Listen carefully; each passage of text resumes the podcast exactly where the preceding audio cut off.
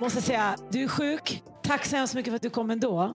Det är jättefint av dig, verkligen. Jag kan inte missa det här. Du, eh, behöver han någon mer presentation? Eller? Han driver RMH, där eh, jättemånga jättestora artister just nu finns. Eh, Erik Lundin, Cherry, eh, Silvana Imam, eh, Michelle Dida, eh, Leslie, Adam, Adam eh, Nebai. Helt amazing eh, vilka grejer ni har gjort de senaste åren, måste jag säga.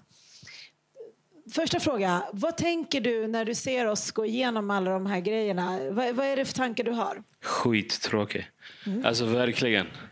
Oh my God. Jag, du såg, jag kunde inte sätta mig ner. Alltså, jag var tvungen att gå runt där bak. Berätta Eh, varför. För att ehm, jag skulle bara säga, skaffa en jävligt bra advokat och det är värt pengarna. Det, det är det bästa rådet jag kan ge. Jag har gått igenom alla de här grejerna själv väldigt mycket. Blivit lurad på kontrakt och etc. Um, ehm, så mitt råd skulle bara skaffa en bra advokat som uh, speciellt skivbolagen är rädda för. Så Ja, det är bra att kunna. Det här är asbra. Men eh, det är precis för mig är det som att sitta i mattelektionen. Det är jobbigt. Ah, Precis. Men, men vad menar du? Lurat på kontrakt? Allting står ju där. Det måste ju handla om att man inte kan läsa, att man inte fattar vad, som, vad det betyder och sånt, eller hur? Det är Mm. ingenting som händer än som inte står i avtalen. jo, men eh, man läser inte avtalet från början. Och eh, just det här rådet med att skaffa en advokat. Hade någon gett bara det rådet till mig så hade det bara varit eh, clear. Väldigt clear. Eller någon som Andreas som är jurist, musikjurist, som jag kan Precis. titta på. Ja, ja hjälpen finns. Alltså, mycket hjälp finns ifrån, eh, från massa olika håll. Men det är också svårt när man kommer in i musikbranschen i att hitta de här hjälpen, veta att de här finns. Det är därför, det är därför att jag håller på att dö nu inombords, men det är viktigt att jag är här och det är viktigt att är här. Så, Ja, det är jättefint att du är här trots sjuk. Men du, okej. Nu, nu, nu får du verkligen anstränga dig, för det blir en, stor fråga på en gång. Okej, dina dos and don'ts i musikbranschen. Vad, vad är de? Okej, jag, mm, jag är väldigt, Uh, jag är väldigt uh, typ anti skivbolag och anti kontrakt. Jag har inget kontrakt med någon av mina artister. Uh, jag jobbar med två producenter också och um, jag har gjort det ungefär i tio år. Och um, jag, har, jag berättar lite så blir det dos and Absolut, kör. samtidigt. Typ. Ja. Ehm, men ehm, jag tänker att eh, det här är en konst vi sysslar med. Eh, musik är en konst. Och eh, konst ska inte behöva ägas av någon annan än den personen som gör konsten. Och det har varit hela tiden mitt utgångsläge när jag börjat jobba med artister.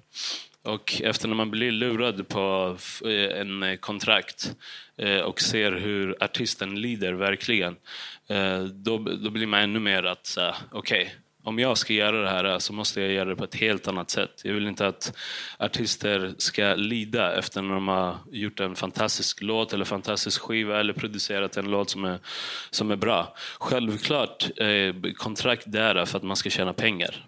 Det ska, det ska visa vart, du, vart dina pengar kommer ifrån. Och, eh, eh, så det är bra att ha den här knowledgen som ni får här. Men eh, skaffar man en bra advokat så, eh, och har koll samtidigt på vad man vill att ens konst ska göra så är det, det är bra utgångslägen. Ehm, du menar att det frigör, om man har någon som Andreas till exempel, Precis. så frigör det att man kan fokusera på vad musiken egentligen är till för. Ja. Jag skulle säga också att inte, inte kanske 100 procent om man jobbar med manager att be den personen eh, kolla bara på kontraktet utan man sitter med och gör det med advokaten. För att som sagt, det, det här är, väldigt, det är en industri och man möter väldigt olika typer av personer. Ehm, och ehm, för mig har det alltid varit att det är därför jag inte har kontrakt med mina artister. Jag kan berätta om, ehm, om till exempel Adam, för att jag har jobbat längst med honom. Jag har jobbat tio år med honom. Och när vi gick in i hela det här så gjorde vi det tillsammans. Och ehm, då, då, för att bara bryta emot den här... För det var han som skrev på ett kontrakt med ett eh, mindre bolag, men det var det var lurendrejkontrakt. Så efter det så började vi jobba ihop och då sa vi att eh, vi delar allt 50-50. Alla inkomster, alla utgifter, eh, allt 50-50 tills vi har byggt upp någonting som passar oss bra. Eh, och eh, från den utgångsläget har jag hela tiden haft som en grund. Ja, till att, man bygger tillsammans med Precis, artisten. man bygger tillsammans med artisten. Och det är det som vi har haft i utgångsläge och den har jag hela tiden amplified för varje artist som jag har jobbat med. Nu är vi, det där var tio år sedan, nu är vi på, på jobbar med Sherry och eh, Leslie och etc. Och, um, då har vi i år kommit på ett nytt sätt. Eh, att de, de, har släppt musiken hos oss på RMH Label, eh, men de äger sina egna eh, masters, 100 procent. Men jag vill inte Vilken jobba, grej. Ja, jag vill inte jobba som skivbolag, så därför har vi gjort så här att vi administrerar deras släpp. Vi hjälper dem att sätta upp ett aktiebolag så att de släpper den på deras egna bolag, så att deras eh, masterrättigheter stannar hos dem helt och hållet. Och så går vi in som Amazing. RMH och gör en eh, administrationsjobb helt enkelt och bara hjälper dem att sätta upp allting. För, för mig det roliga med att släppa en skiva är ju berätta historien, marknadsföra den, eh, mer som en, eh, mer som en, ah, mer som en historieberättande process. Istället för att det ska bli en, ett sätt för mig att tjäna pengar. Det finns ett större syfte. Ja, precis. Jag kan bara säga till er att eh, det är första gången jag hör det här, fast jag har intervjuat dig många gånger. Så här. Och jag kan bara säga till er, det här, det här, den här ordningen som, du har mellan, som han har mellan sina artister, den brukar inte finnas. Jag har aldrig hört talas om det. Det här är jätteudda. Att de äger sina master själva. Att man jobbar så här. Det är jätteovanligt. Vad tror du? Det måste ju betyda också någonting för sammanhållningen eh, mellan er. Det är just sammanhållningen som har skapat det här.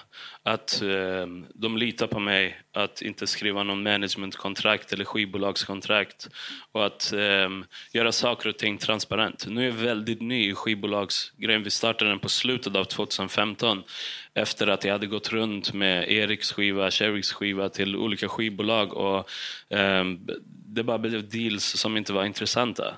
Kan du, kan du stanna upp där? Förlåt. Ehm, det här vill jag prata med dig om, för det här tror jag intresserar många här. Eh, jag har för mig att RMH, du, genom åren eh, det har funnits majorbolag som har velat äga, ha RMH som ett dotterbolag. Precis. Men du har sagt nej. Varför då? Ehm, för det har inte funnits någon riktig grund till att signa med ett större bolag. Alltså jag aldrig... för, för att ni ska förstå, till exempel, det, det är det vanligaste. Att när ett bolag jobbar upp sig så blir de ofta inte alltid ett dotterbolag under ett större bolag som Matte Kaliste Stadsbild eh, ligger under, förut låg- det under Warner eh, jag, har, jag tror det ligger under Universal nu så att man jobbar så, men du har aldrig gjort så? Nej, Nej. för att jag... ehm, eh, jag gillar att jobba på ett sätt att eh, lära känna eh, produkten som jag jobbar med 100% i. Och för mig är det superviktigt att alla som jobbar med produkten är där och är 100% med och förstår produkten 100%. För det är då det blir bra. Det är då det är skriverier, det är då folk lyssnar, det är då det ger spelningar. Och eh, för mig, skivbolagen, de har ett så har de massa med eh, artister att jobba med. Eh, de jobbar på ett sätt att kanske ha tio låtar under en månad som de kastar upp på väggen. Den som klistrar sig fast jobbar de vidare på. Alla andra som eh, hamnar, eh, eller ramlar ner, eh, de, de får helt enkelt jobba på nästa singel och där vet man inte om det blir släppt eller inte släppt. Um, och det sättet Så det finns inga engagemang? Nej, och det Okej. kanske inte stämmer med alla skivbolag, men jag är superanti. Så jag, jag, jag går bara generellt och skjuter alla just nu. Eh, men eh, som sagt, man kan ju, alltså, tiderna har ändrats och eh, är man en artist som har byggt upp sig själv väldigt mycket och har, har de här playsen, gör spelningar själv. Eh, jag tror att förhand, förhandlingssättet kan se annorlunda ut om man vill jobba med majorbolag. Ja, hur har förhandlingssituationerna varit i dina möten med majorbolagen? Hur skulle du beskriva situationerna? Vad har du känt? Jag har typ aldrig känt något bra för att, eh, ett, för att ett större major ska äga masters på någonting som... Som sagt, jag, det här är ett konstverk vi sysslar med. Och för mig är det, är det bara där är det superkonstigt att major ska äga eh, inspelningarna. Det spelar inte roll om de äger den i fem år eller någonting. Det är, bara, det är konstigt att de ens äger eh, en artists eh, inspelningar. Mm. De kan definitivt göra, göra eh, presenter etc. kring det, det förstår jag, för de sätter ner ett arbete precis så som jag gör med mina artister. Men eh, bara det utgångsläget är för mig jättekonstigt. Du, undrar, du ifrågasätter? Ja. Varför ska det vara så? Ja. Hur har det varit med eh, alltså, har, det här med att eh, du, du pratar ju om att för dig är musiken som, som du vill ge ut, det handlar om att berätta saker, de har större syfte, de, ska, de har oftast också en impact på sin omgivning eventuellt. Så hur har det varit där när du har suttit i möte med majorbolag? Förstår de? Ehm, Och vill de påverka, ändra, eller hur förstår de? Nej, för att så här är det. Deras utgångsläge är ju självklart. De är, ett, de är ett större bolag, de har jättemånga anställda, måste komma in pengar och de måste jobba upp sitt varumärke. Det är utgångsläget som ett skivbolag har från början. Um, och för mig blir det väldigt konstigt, för våran utgångsläge från början är att inte tjäna pengar. Det är att få artisten till att komma till en punkt där den slipper jobba ett extra jobb, att den kan driva sitt eget bolag på ett uh, ordentligt sätt. Och um, jag kan säga att de flesta artisterna som jag jobbar med idag uh, kanske har jobbat med fyra år, men fortfarande inte tagit ut en enda krona för det, för det arbetet som vi har gjort på RMO hos dem. För att eh, de måste komma till ett läge där de måste bara sikta sig in på deras hela tankesätt måste vara kring deras konst, att utgå från den punkten. Så att eh, det är därför vi gör så mycket annat. Vi har events, vi har konsultjobb åt andra etc. etc. Så, eh, så bara där är vi väldigt olika i tanken om ett De vill att det ska sälja på en gång. Precis. Och du vill låta dem gro också. Ja, verkligen. Alltså, om vi bara tar Cherrys skiva så var vi runt i alla skivbolag. Alla var superintresserade. Men redan på första mötet så presenterade de låtar som andra hade skrivit och producerat eh, till eh, Cherry. Att ah, men om vi hoppar in i den här utan att fråga henne vad hon egentligen vill släppa. Hos oss, jag lyssnade inte på, eh, på skivan förrän den var helt färdig. Och vi satt där och jag kom med, satt med Leslie, Amer och Sherry och bara okej det här kan bli singel. Ah, men vilken gillar ni? Det är helt, det är två helt olika Du lät utgångslägen. henne puttra i studion själv och Absolut. känna och leka. Och... Ah. Det där är intressant. Jag har alltid undrat. Eh, när jag intervjuat de artisterna du jobbar med så pratar de alltid med mig om hur du har hjälpt dem och eh, vad ska man säga, forma, forma vilka de är som artister hur de låter, hur de uttrycker sig, vad deras stil är, vad de skriver låtar om. Eh, och jag har alltid undrat, alltså, hur gör du för att, för att hjälpa dem ta fram det de är? Är hur gör man? Ehm, bara lyssna på dem. Vi, vi, jag träffar alla artisterna minst en, eller en, minst en gång i veckan. Och, eh, speciellt under en albumsprocess så pratar vi väldigt mycket. Vad pratar ni om? Vi pratar om eh, känslor, vi pratar om eh, typ samtiden, vi pratar om eh, vad den personen har gått igenom. Så allt utom musiken egentligen? Ja, egentligen. Och sen utifrån det så bara helt plötsligt kommer det låtidéer. Ehm, och det är därför med de artisterna som jag jobbar med är väldigt personliga i sina stilar, i sitt uttryck. Det är väldigt personligt för att eh, det är samtal som leder till hur deras konst ska gå vidare. Ehm, Men, ha, men ha, eh, säger ni när du kallar till de här, nu kommer jag bli jättespecifik, ursäkta. Jag, du, det här, jag tänker att du kan, egentligen vill du inte bryta ner det här, men jag måste... Jag, nej, jag bryter jättegärna. Ja, men jättebra. För liksom de här mötena då. eh, kan- Är man, säger man så här, ska vi ses för att prata om hur du ska... Eller är det bara så här, ska vi ses och käka? Bestämmer ni att ni ska ses för att forma innehållet och artisten? Eller ses ni bara, bara för att ses? Vi, vi ses för att eh, gå igenom veckan. Och, eh, det går ganska snabbt. Och Sen går vi igenom saker och ting som ska göras. Om det är Silvana som eh, är färdig med sin skiva, hon ska ut på turné och det är merch vi ska prata om, så är det därifrån också ett utgångsläge att så här, sitta och prata. Okej, vad är det för känslor man vill väcka med sitt merch? Eh, hur mycket vill man lägga? Vi pratar om exakt, vi bryter ner det till meta på Gör alla ni möjliga sätt. moodboards och sådär också, eller vad gör ni? Ibland, alltså. Väldigt få gånger. Eh, De gångerna vi, vi ens kollar på mo- moodboards är att artisten får en hemläxa och komma tillbaka med en moodboard, helt enkelt. Att säga, okej, ja, men vi tittar på det. Så sitter jag Joel och um, funderar. Men i mitt huvud så är, jag, så är jag mina artister hela tiden. Så det kan komma in det kan komma idéer från vänster och höger när som helst egentligen. Men, uh, men allt det här du säger jag som också har träffat många majorbolag och så, det går, ju, det går nästan emot hur de jobbar. De har inte tid med det där. Det blir ju liksom... Det är verkligen på... Det blir helt olika världar. Liksom. Ja, det, det, är, det är workshops egentligen. Ja, ni har, precis. Ja.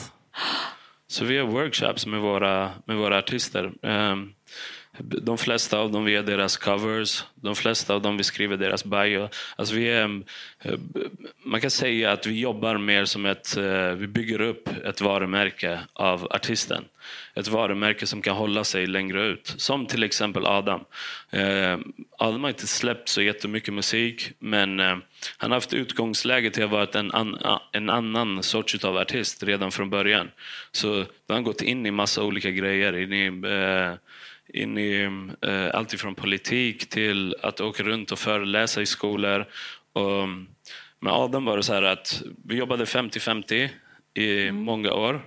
Sen eh, 2012 gick vi ner till eh, gick vi ner till 60-40 och sen i början av 2016 så sågs vi och eh, eh vi pratade och vi kom fram helt enkelt till att jag ska sluta vara manager för Adam. För att Adam eh, har fått en familj. Han kommer gå upp sex på morgonen. Eh, oavsett om han vill eller inte.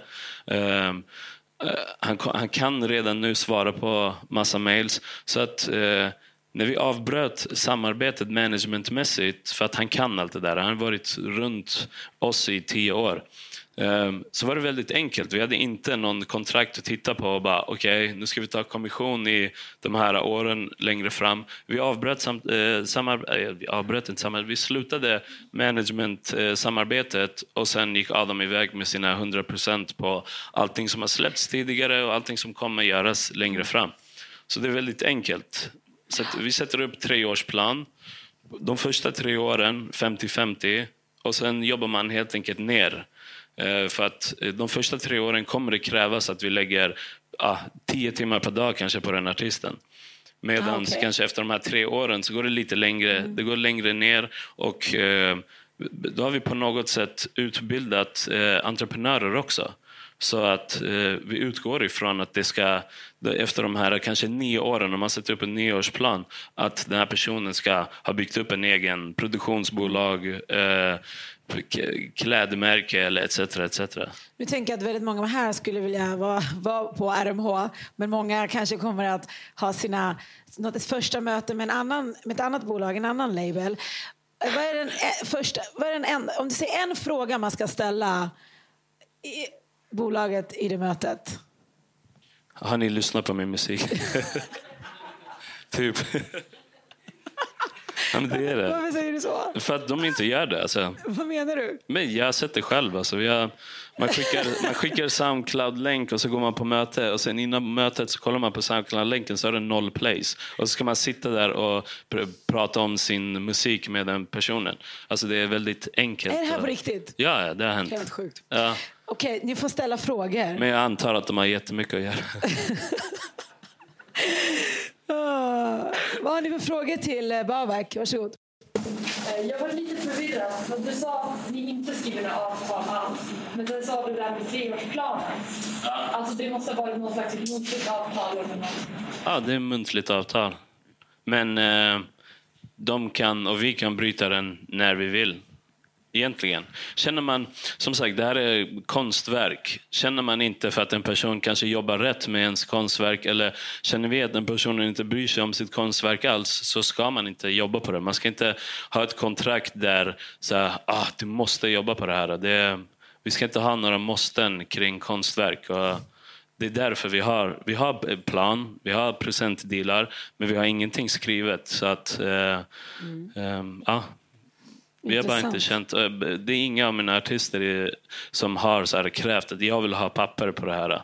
Och, mm, skulle de vilja ha det så fixar vi fram det men eh, det är inte, alltså det är inte så här, kom, kom och jobba med RMH som uh, jobbar man bara med att inte skriva papper. Det är inte så utan man får välja lite och hittills har ingen valt och vi har haft bra samarbete. Mm. Frågor? Ja. När man jobbar med förlag och så, så kanske de lovar grejer som inte hålls. Releasedatum, vilken producent man ska jobba med, eh, synkar. Liksom, det är mycket så här löften och så går det inte alltid i hamn. Eh, hur löser man det och hur förhåller man sig till det? Eh, för jag tänker att det händer ganska mycket då och då. Man kanske inte kan styra allt själv, man måste liksom lösa de här situationerna. Typ. När man lovar grejer så kanske inte blir av. Mm. Ja. Det är därför jag aldrig lovar. men eh, nej, men eh, jag vet inte om vi jobbar med att, eh, alltså på det sättet att vi lovar grejer utan vi, vi tar oss tillsammans fram ganska mycket.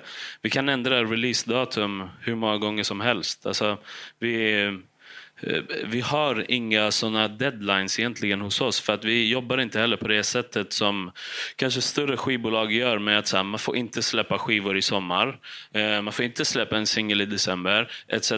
Alltså, Jo, där är det ju verkligen så. precis. Ja, vi vi mm. utgår inte från så här, typ, saker och ting man inte får göra för att eh, eh för det är publiken som lyssnar. Eh, och jag tror inte musik är så här, eh, att de slutar lyssna på sommar. Och radio, det där, var, det där är ett så förlegat system också. För radio eh, jobbar på ett annat sätt idag och samtidigt så behöver man inte radio för att, för att ha sina miljoner views. Jag, jag tror att man um, jag tror att man ser det ganska mycket. Och, uh, speciellt idag. idag. Man måste ha ett annat uh, man måste ha ett annat eh, system när man sitter med större bolag. Mm. Eh, vi pratade om, eh, vi pratade om förskott tidigare.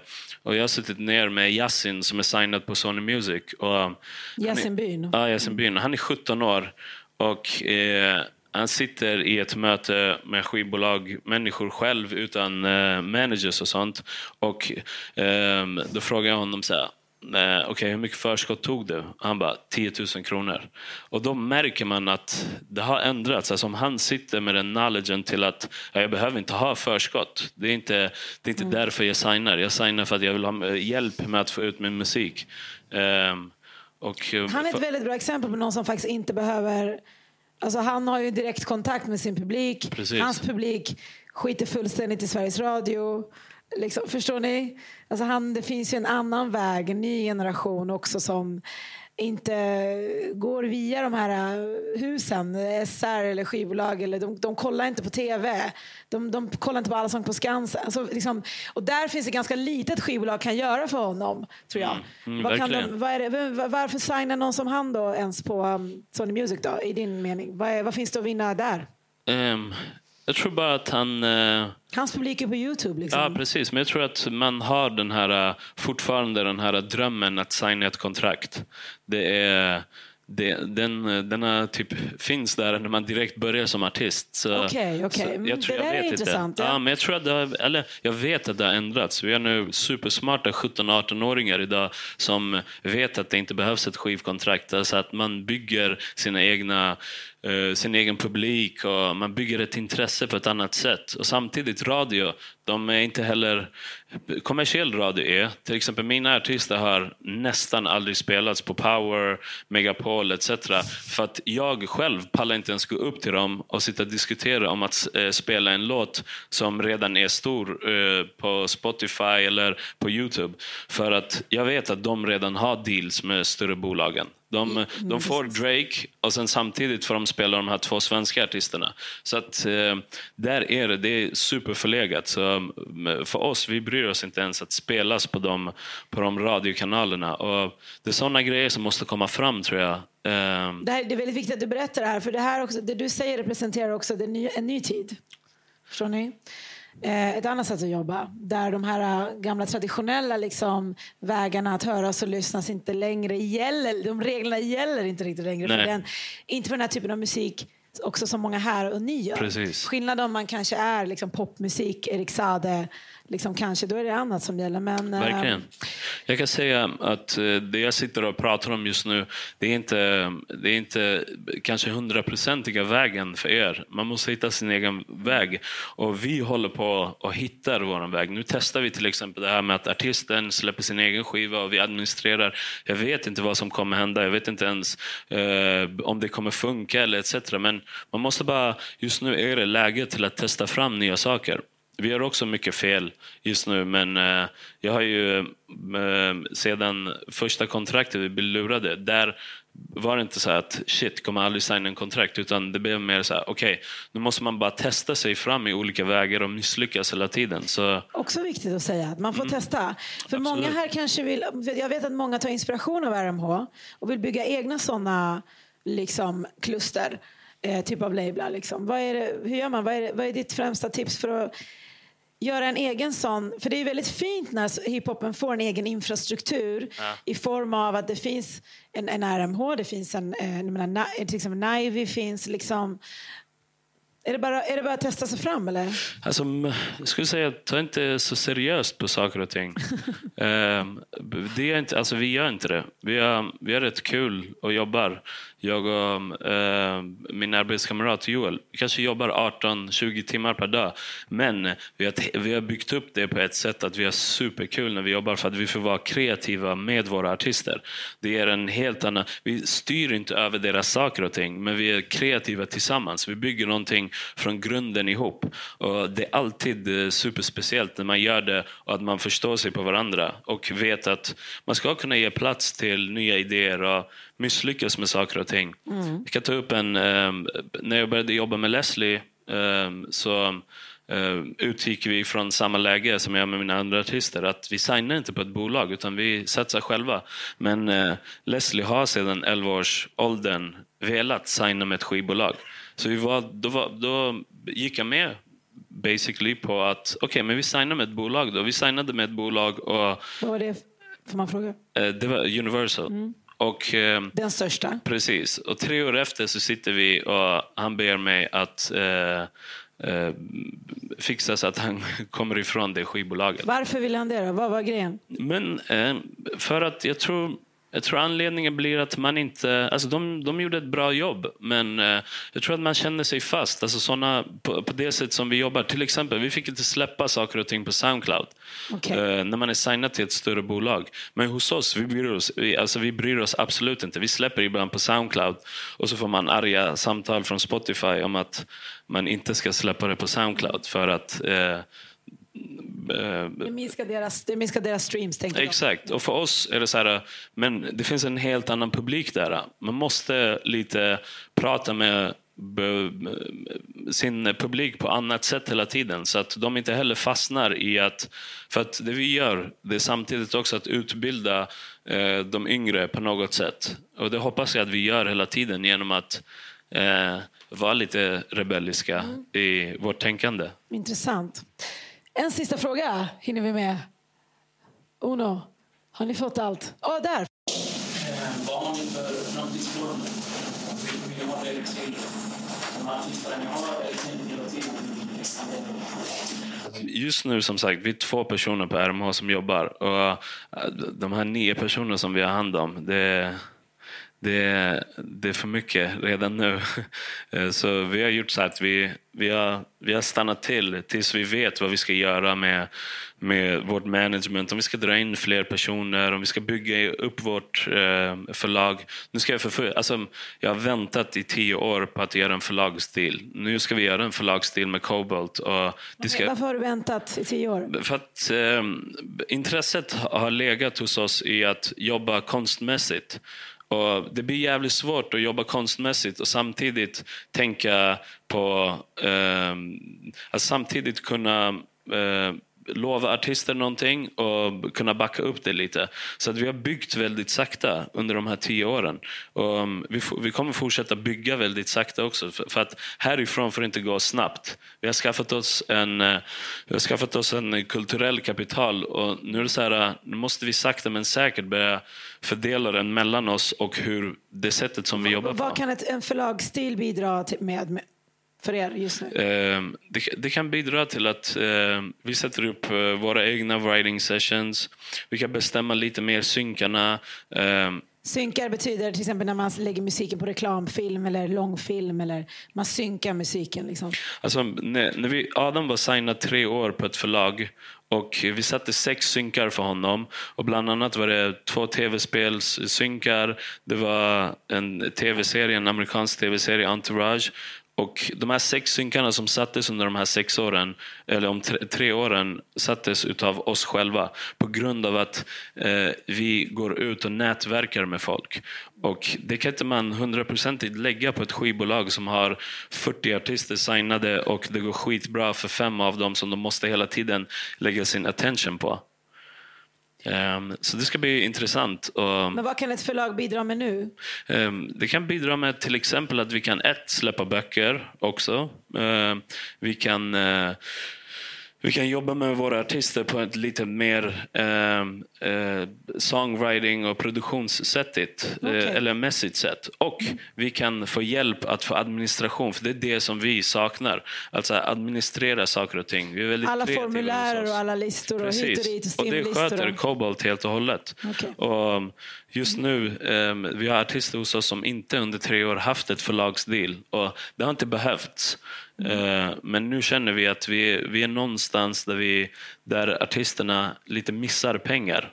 Och eh, då vill vi göra en deal där vi får administrationen från ett, eh, från ett förlag som kan det här. Medan vi, vi, fortsätt, vi kan fortsätta jobba kreativt och nätverka med folk.